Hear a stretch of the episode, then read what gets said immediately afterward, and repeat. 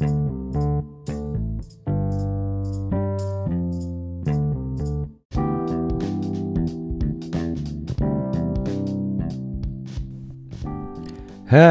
kembali lagi di podcast hari ini. Seperti biasa di podcast hari ini kalian bisa mendengar berita nasional yang sedang hangat. Oke, kita mulai berita hari ini dari dugaan main-main perkara ala Firly Bahuri. Dari kasus bansos sampai ekspor benur.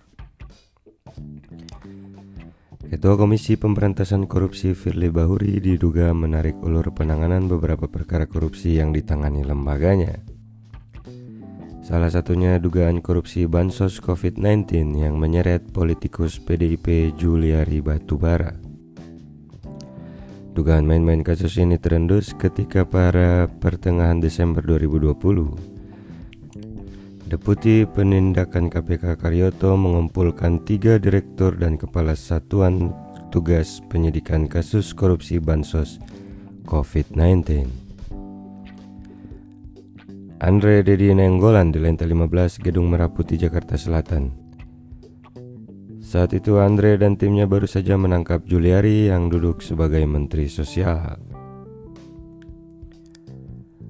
Kepada Andre, Karyoto bertanya tentang dugaan keterlibatan politikus lain di kasus korupsi pengadaan sembako itu.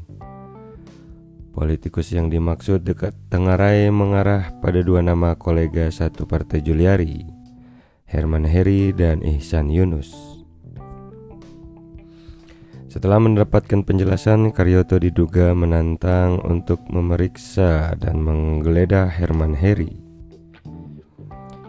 Dari perintah di ruangan itu, tim penyidik lantas mengajukan surat pemanggilan dan penggeledahan untuk Herman dan Ihsan.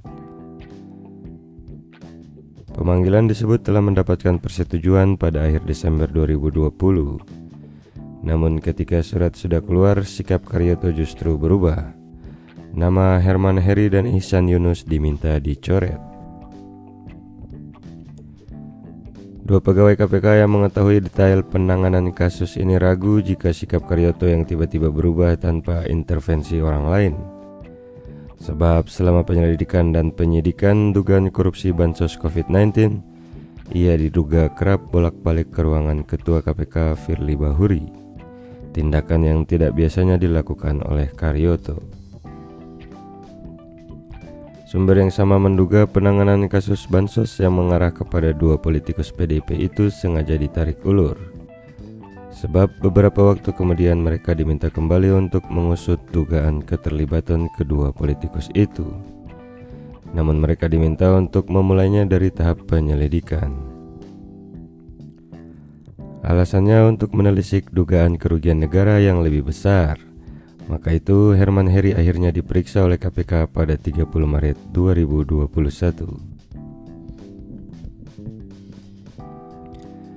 Kedua sumber tadi menyebut Firly sendiri yang diduga menekan surat pemanggilan untuk Ketua Komisi Hukum DPR tersebut. Keduanya sepakat pemanggilan di tingkat penyelidikan itu bukan kabar baik untuk penanganan kasus bansos COVID-19. Mereka justru khawatir pemanggilan itu dijadikan sebagai alat tawar-menawar untuk hal yang tidak berkaitan dengan penanganan kasus.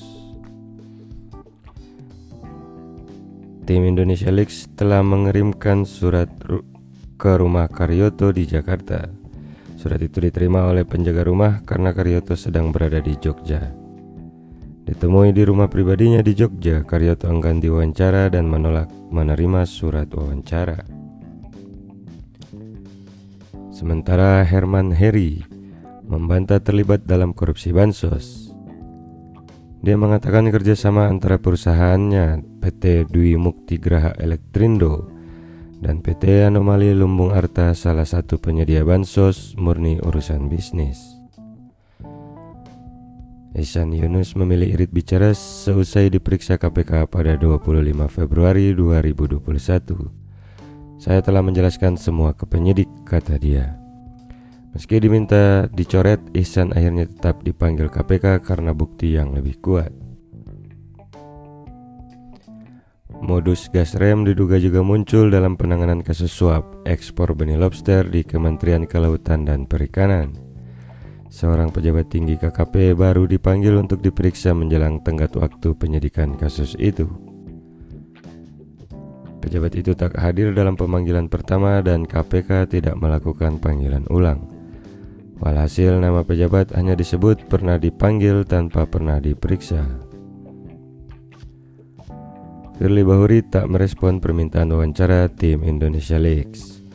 Tim telah mengirimkan permohonan wawancara serta daftar pertanyaan ke nomor teleponnya dan melalui juru bicara KPK, Ali Fikri.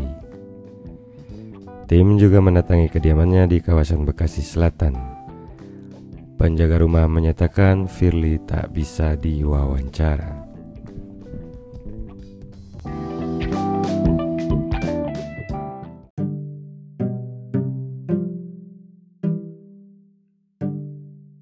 Hai, terima kasih telah mendengarkan podcast hari ini. Sampai jumpa di podcast selanjutnya.